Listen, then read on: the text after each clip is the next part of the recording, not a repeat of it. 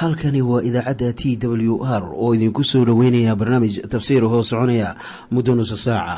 Waxaana barnaamijkan codka waayaha cusub ee waxbaridda ah idiin soo diyaariya masiixiin soomaaliya.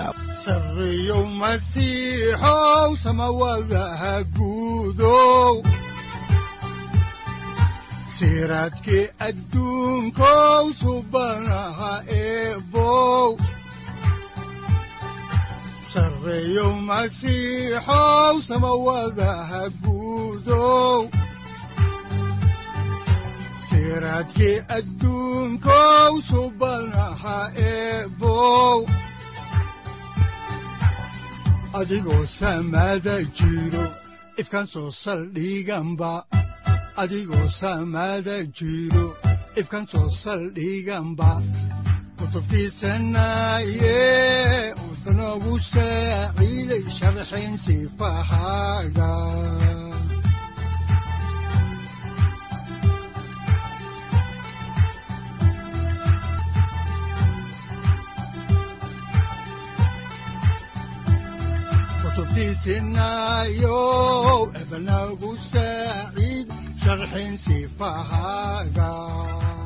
ku soo dhowaada dhegaystayaal barnaamijkeenna dhammaantiinba waxaan horay u sii ambaqaadi doonnaa daraasaadkii la magac baxay baibalka dhammaantii. Waxaannu idiin sii wadi doonnaa kitaabkii yeshuuca oo ka mid ah axdigii hore. Yeshuuca wuxuu ahaa hoggaamiyihii reer banu israa'iil kadib markii nebi muuse u geeriyooday. Waxaannu idiin sii wadi doonnaa caawa cutubka saddex iyo labaatanaad oo aynu uga gudbi doonno kan afar iyo labaatanaad iyo weliba horudhaca kitaabka xaakinnada maryamoo bikraba masiixii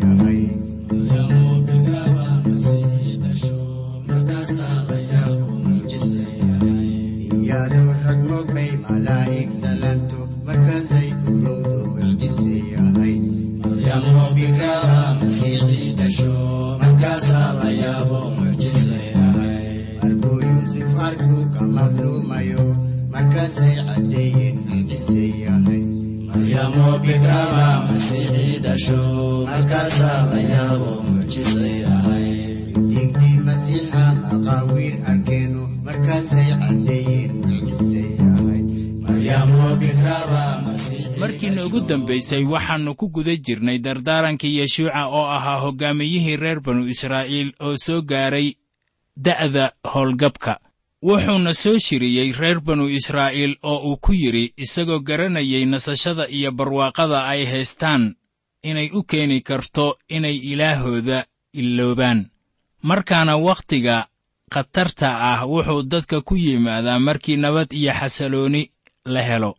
Waayo dadku ilaah bay illoobayaan taasina waa sababta yeshuuca uu israa'iil ula dardaarmayo isagoo leh ilaah waxyaalo wanaagsan buu idiin sameeyey haddaba ha ka dheeraanina oo addeeca. Isagoo hadalkiisa sii wata ayuu ku yidhi ilaah wuu idiin barakadaynayaa. Dabeetana wuxuu uga digay waxa ku dhici doona iyaga haddii ay ka weecdaan dariiqa ilaahooda. Haddaan xigashada horay idinku sii ambaqaadno ayaa waxaa ku qoran cutubka saddex iyo labaatanaad aayadaha kow iyo toban ilaa saddex iyo toban sida tan haddaba isjira oo jeclaada rabbiga ilaahiinna ah.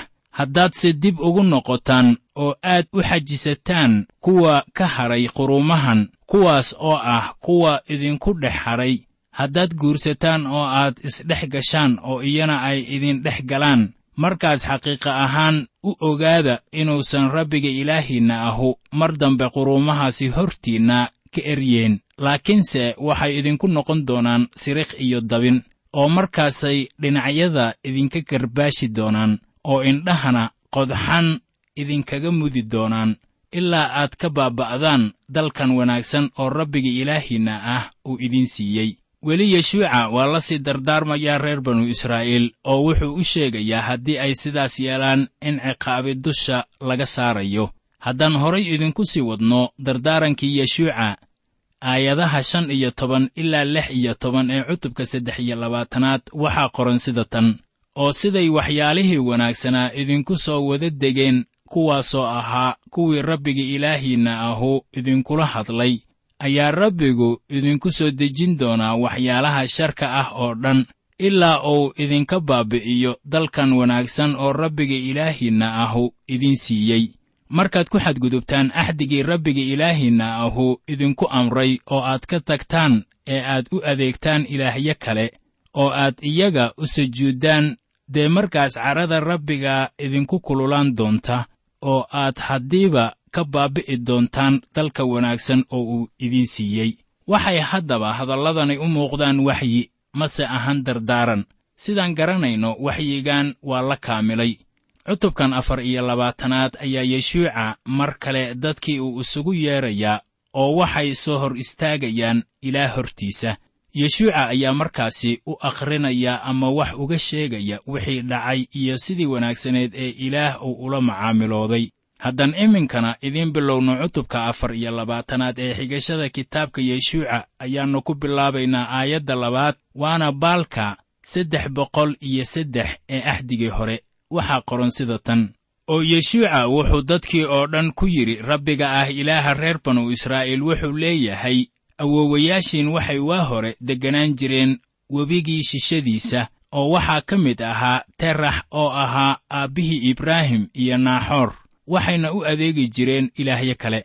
Markaa tanu waxay muujinaysaa wax aynan horay u ogeen. Inkastoo aynu malaynaynay waxaana weeye in nebi ibraahim aabbihii ilaahyo kale uu u adeegi jiray. Markii ilaah uu u yeedhay ibraahim oo jooga uur waa magaaladaase waa tii reer kaldiyiin ayaa wuxuu uga yeedhay guri ilaahyo qallaad lagu caabudo. Terax oo ahaa aabbihiis ayaa halkan laynoogu sheegayaa inuu caabudi jiray ilaahyo qallaad. Tanina waxay keenaysaa in lees weyddiiyo muxuu ilaah u doortay ibraahim oo uu uga dhigay quruun weyn. Bal aynu eegno xaalkii taagnaa waagaas marka reerkii ibraahim ay caabudi jireen asnaamta wixii ka dambeeyey qalcaddii baabel markaasoo laysku daray luqadaha dadka ayaa dadka gebi ahaanba ilaah aqoontiisii ay ka guurtay. Mana jirin qowmiyad ilaah u adeegi jirtay haba ku jiro tarax oo ahaa ibraahim aabbihiise markii ilaah uu isku qasay luqadahooda ayaa dadkii dhan waliba oo dunida ah ay u kaceen dadkiina waxay lahaayeen garashada ilaaha dhabta ah ee baaqiga ah taasoo keentay xitaa qabiilada karaahiyada ah inay wax cun ka gartaan ilaaha baaqiga ah. In kastoo ay caabudin isaga hase yeeshee wixii ka dambeeyey dhacdadii luqadaha dadka laysku qasay ayaa waxaa dhacday in dadkii ay u leexdeen dhanka asnaamta iyagoo ka bayraya dariiqa ilaah markii dadku sidaas ay yeeleen muxuu ilaah samayn karaa si uu ku difaaco quduusnimadiisa iyo magiciisa iyo dabeecaddiisa. Waxay ahayd inuu ciqaabi ku soo rogo bini'aadanka oo uu dhulka ka baabi'iyo.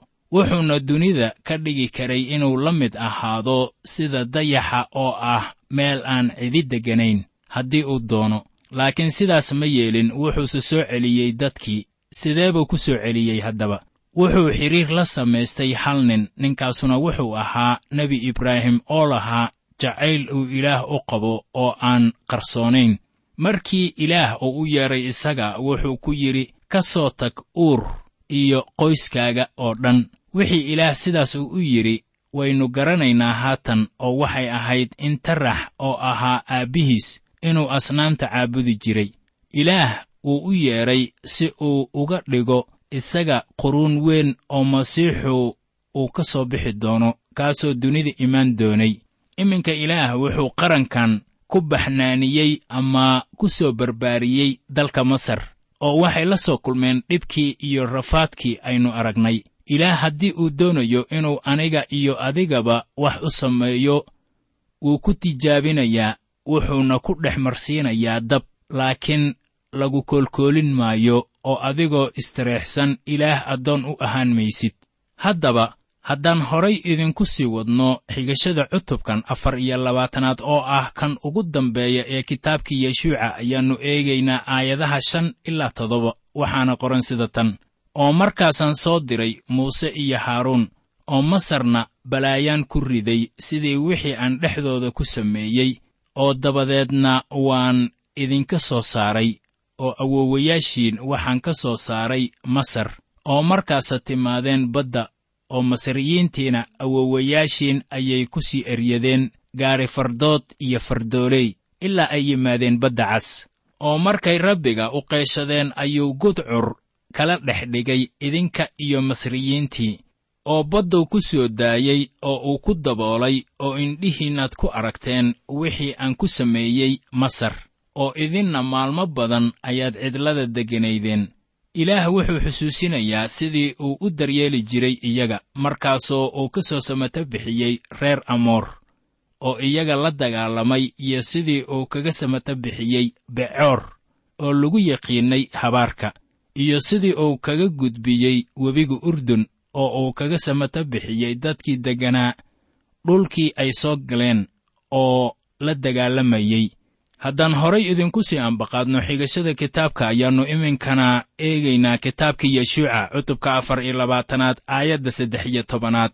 Waxaana qoran sida tan oo waxaan idiin siiyey dal aydnaan u hawshoon iyo magaalooyin aydnaan dhisan oo waad iska dhex degteen oo waxaad ka cuntaan canab iyo saytuun aydnaan beeran iminka dadka reer banu israa'iil waxay degganaayeen dhulkii ilaah uu siiyey laakiin ilbaxnimadii ay halkaasi ugu yimaadeen ma ayan wada baabi'in.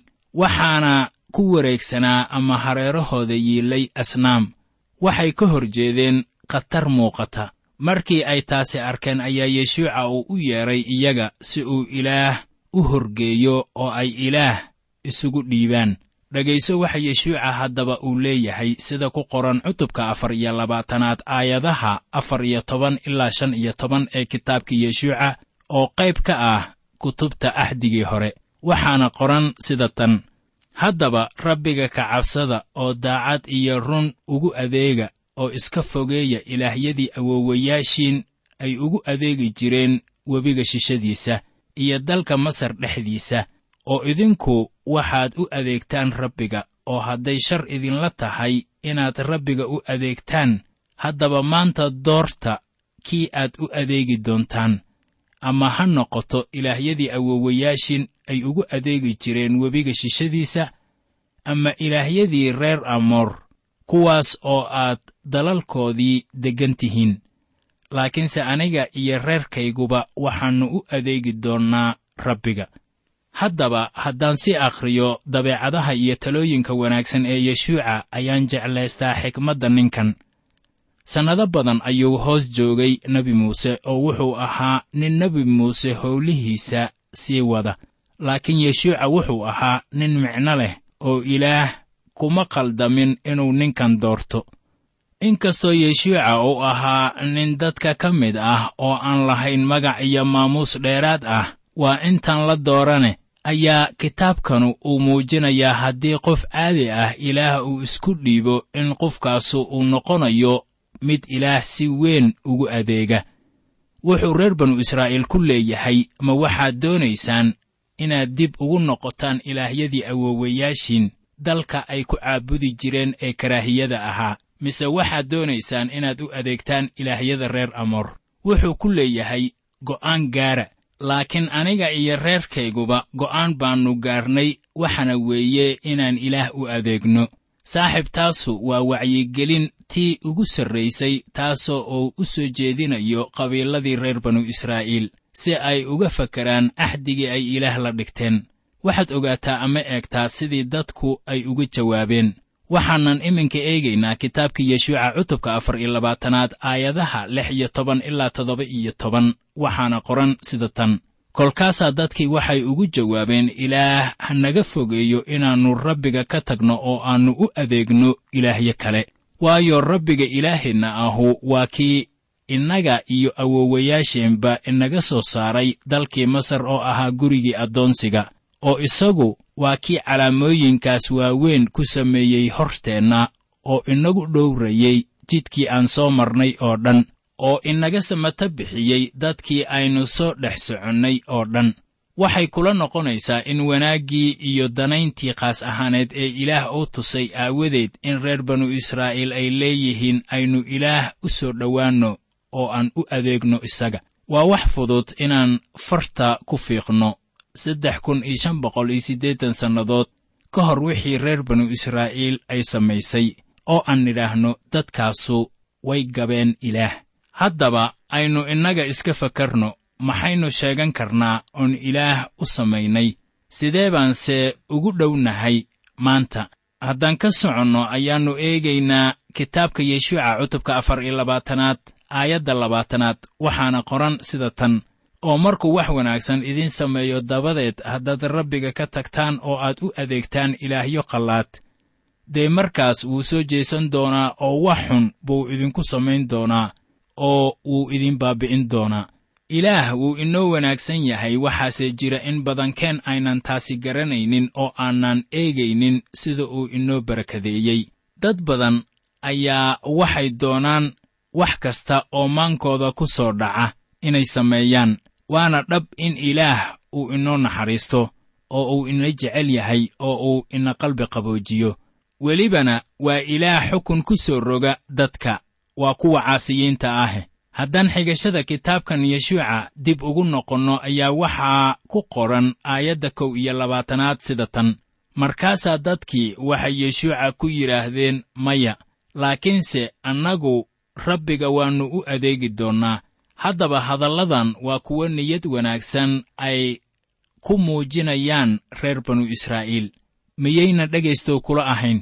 Haddaan horay idinku sii wadno xigashada waxaa ku qoran kitaabka yeshuuca cutubka afar iyo labaatanaad aayadaha shan iyo labaatan ilaa lix iyo labaatan sida tan. Taas daraaddeed maalintaas ayaa yeshuuca dadkii axdi la dhigtay oo shekem buu ugu dejiyey qaynuun iyo amar markaasaa yeshuuca erayadan uu ku qoray kitaabkii sharcigii ilaah oo dhagax weyn buu qaaday oo wuxuu hoos qotanshay geedkii ku agyeelay taambuugga quduuska ah oo rabbiga. Markaan dhanka kale ka eegno wixii yeshuuca u qoray waxaa lagu qoray qorniinka shantii kitaab ee nebi muuse uu qoray wuxuuna ku noqonayaa lex waxaana haatan aynu soo gaarnay qaybta ku saabsan dhimashadii yeshuuca haddaan horay idinku sii wadno xigashada kitaabka yeshuuca cutubka afar iyo labaatanaad aayadaha sagaal iyo labaatan ilaa soddon ayaa waxaa qoran sida tan. Oo taas dabadeed addoonkii rabbiga oo ahaa yeshuuca inanuun ayaa dhintay isagoo jira boqol iyo toban sannadood oo waxay ku aaseen dalkii uu dhaxalka u helay oo ahaa timnatserah oo ku tiilay dalkii buuraha lahaa oo reer efraayim oo xagga waqooyi ka xigta buurta gacash. Yeshuuca waa la aasay oo waxaa lagu aasay dhul oomana ah ee uu doortay inuu dhaxal u ahaado. Haddaan horay idinku sii ambaqaadno qisada oo aannu eegno iminka aayadaha kow iyo soddon ilaa laba iyo soddon ayaa waxaa qoran sida tan. Reer banu israa'iilna rabbigay u adeegi jireen waagii yeshuuca oo dhan iyo waagii odayaashii ka nolol dambeeyey yeshuuca oo dhan kuwaas oo ogaa kulli shuqulkii rabbigu uu u sameeyey reer banu israa'iil oo lafihii yuusuf oo reer banu israa'iil ay ka soo saareen dalka masar waxay ku aaseen shekem taas oo ah dhulkii yaraa oo yacquub uu ka iibsaday reer xamoor oo ahaa shekam aabbihiis oo uu ka siistay boqol go'go' oo lacag ah oo meeshaasu waxay dhaxal u noqotay reer yuusuf. Wakhtigan uu yeshuuca dhintay ayaa ahaa mid wanaagsan waayo reer banu israa'iil ilaah bay u adeegi jireen maalmihii yeshuuca uu xukumayey oo dhan. Waxaana sabab u ahaa ujeeddooyinkiisii uu ku taageeri jiray in dadka ay ilaah ka cabsadaan. Yuusuf oo ahaa kii dhalay reer efraayim iyo reer manaseh ayaa halkanna lagu soo qaatay markii labadaasi wiil ay ka soo baxayeen dalkii masar waxay horay u soo qaateen lafihii aabbahood oo waxaanay cidlada ku sidi jireen afartan sannadood. Reer banu israa'iil waxay ka ballanqaadeen yuusuf intii u noolaa inaanay lafihiisa uga tegin dalka masar balse ay geeyaan oo ay ku aasaan dhulkii ilaah oo u ballanqaaday. Muxuu sidaas u yeelay haddaba waxaa taas ugu wacnayd in uu rajaynayey in dhimashada looga soo sara kicin doono dhulkaas la ballanqaaday. Haddaan horay idinku sii wadno xigashada kitaabka oo aannu eegno aayadda ugu dambaysa cutubkan afar iyo labaatanaad iyo weliba kitaabka yeshuuca ayaannu eegaynaa aayadda saddex iyo soddonaad waxaana qoran sida tan oo elicasaar ina haaruunna wuu dhintay oo waxay isna ku aaseen buurtii wiilkiisa finexaas oo isaga laga siiyey dalkii buuraha lahaa oo reer efraayim. Haddaba haaruun wuxuu ahaa wadaadkii ugu horreeyey ee dhintay waxaana ku xigay elicasaar. Kitaabkii yeshuuca waxaa lagu khatimayaa dhimasho. Wuxuu ku bilowday dhimashadii nebi muuse wuxuuna ku soo xirmay dhimashadii yeshuuca iyo elicasaar. Waxaase i xiise gelinaya waxa weeye in elicasaar lagu aasay dhulkii uu lahaa wiilkiisii finexaas oo ka mid ahaa dhulkii buuraha lahaa ee reer efraayim. Waxaannu caawa idiin bilaabi doonnaa kitaabka xaakinnada reer banu israa'iil oo ka dambeeyey hoggaamiyihii weynaa ee yeshuuca ee aynu kitaabkiisa caaqibada leh ku soo aragnay noloshiisa oo aan soo gebagabaynay iminka kitaabkan xaakinnada wuxuu magaciisa ka helay ama ka soo jeedaa laba-iyo tobankii ragga ahaa iyo haweenaydii xaakinnada ka ahaa wakhtigii ka dambeeyey dhimashadii yeshuuca ilaa iyo wakhtigii nebi samuel kitaabkan la garan maayo qofkii qoray kitaabkan waxaa la qoray wakhtigii ay reer banu israa'iil yeesheen boqorrada. Waxaana tuhunkaasi keenaya marka loo fiirsado weer afar jeer soo noqnoqonaysa inta aynu ku jirno kitaabkan. Waxaana weeye weedhaasi tan la leeyahay oo waagaasna reer banu israa'iil boqor ma lahayn. Marka waxaa cad in wakhtigan la qorayo qisada ay tahay mar ay leeyihiin boqor kuu doonaba ha ahaadee. Waxaase suuragal ah inuu kitaabkan qoray samuel oo ahaa nebi weyn oo caan ku ahaa dalka israa'iil. Xaakinnada oo dhan waa xadaysnayd awooddooda ama waxqabadkooda.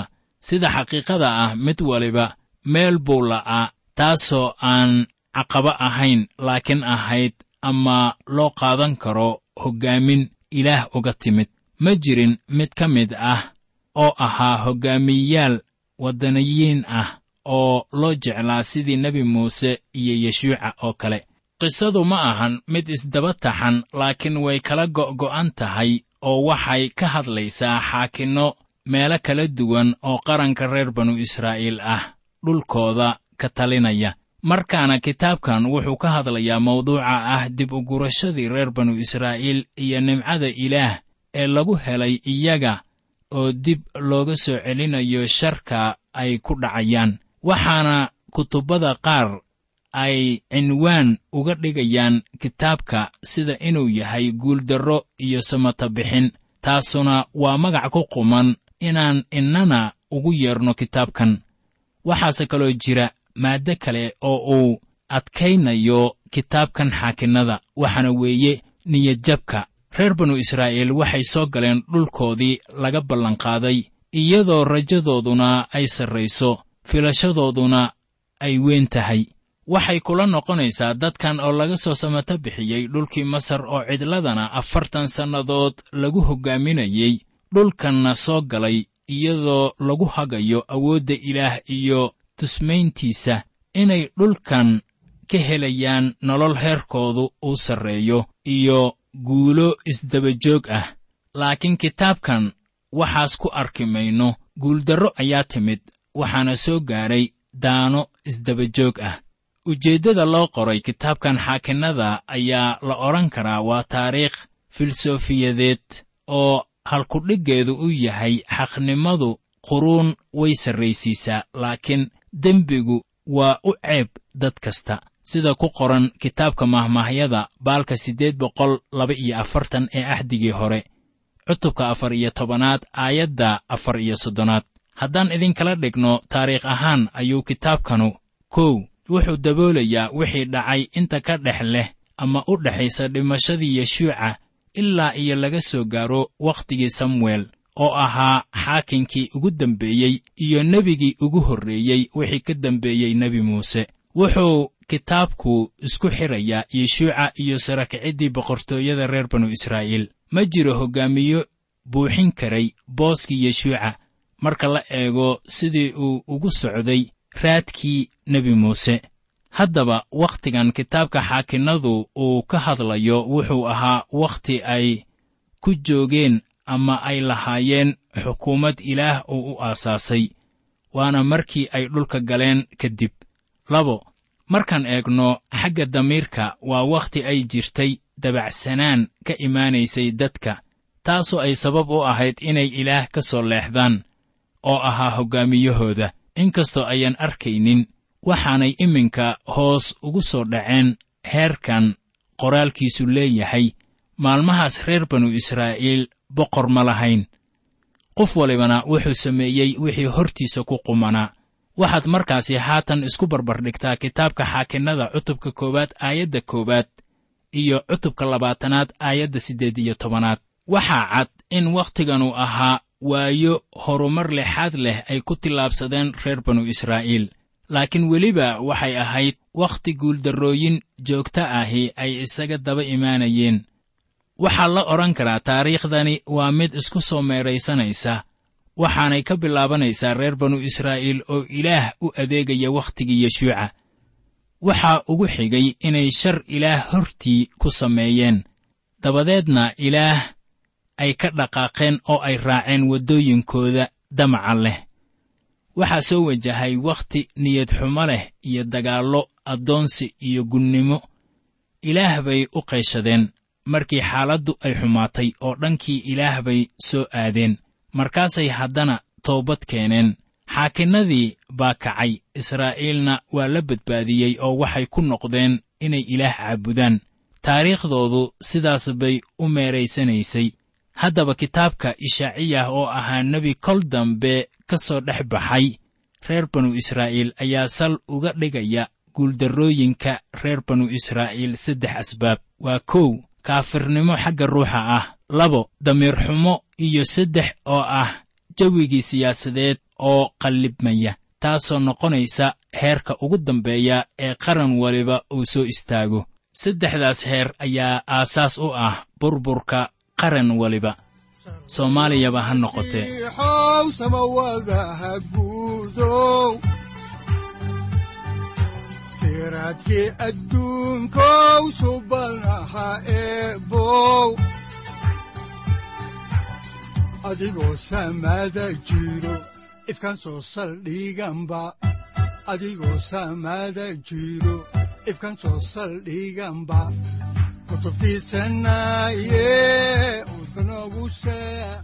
halkani waa t w r idaacadda t w r oo idinku leh ilaa ha idin barakeeyo oo ha idinku anfaco wixii aad caawi ka maqasheen barnaamijka.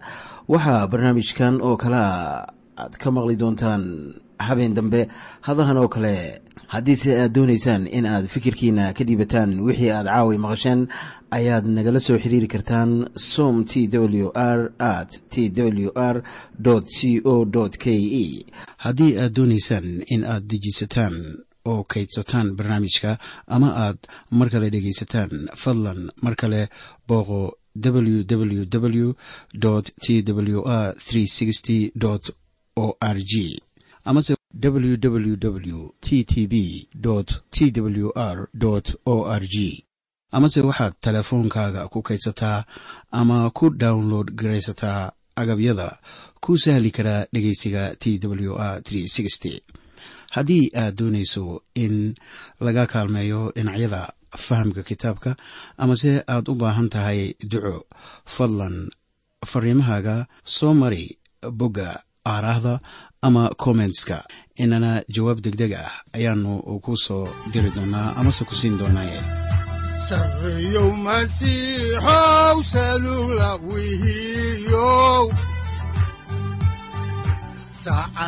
timid dhulka sabada ku dhalatiyo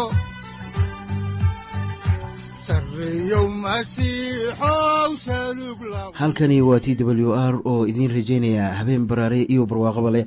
Inta aynu ka gaari doono wakhti aynu ku kulanno barnaamij la mida kan caawayay aad maqasheen. Waxa aan idinku leeyahay nabadda ciise masiix ha idinku badato xagga jidhka iyo ruuxaba. Aamiin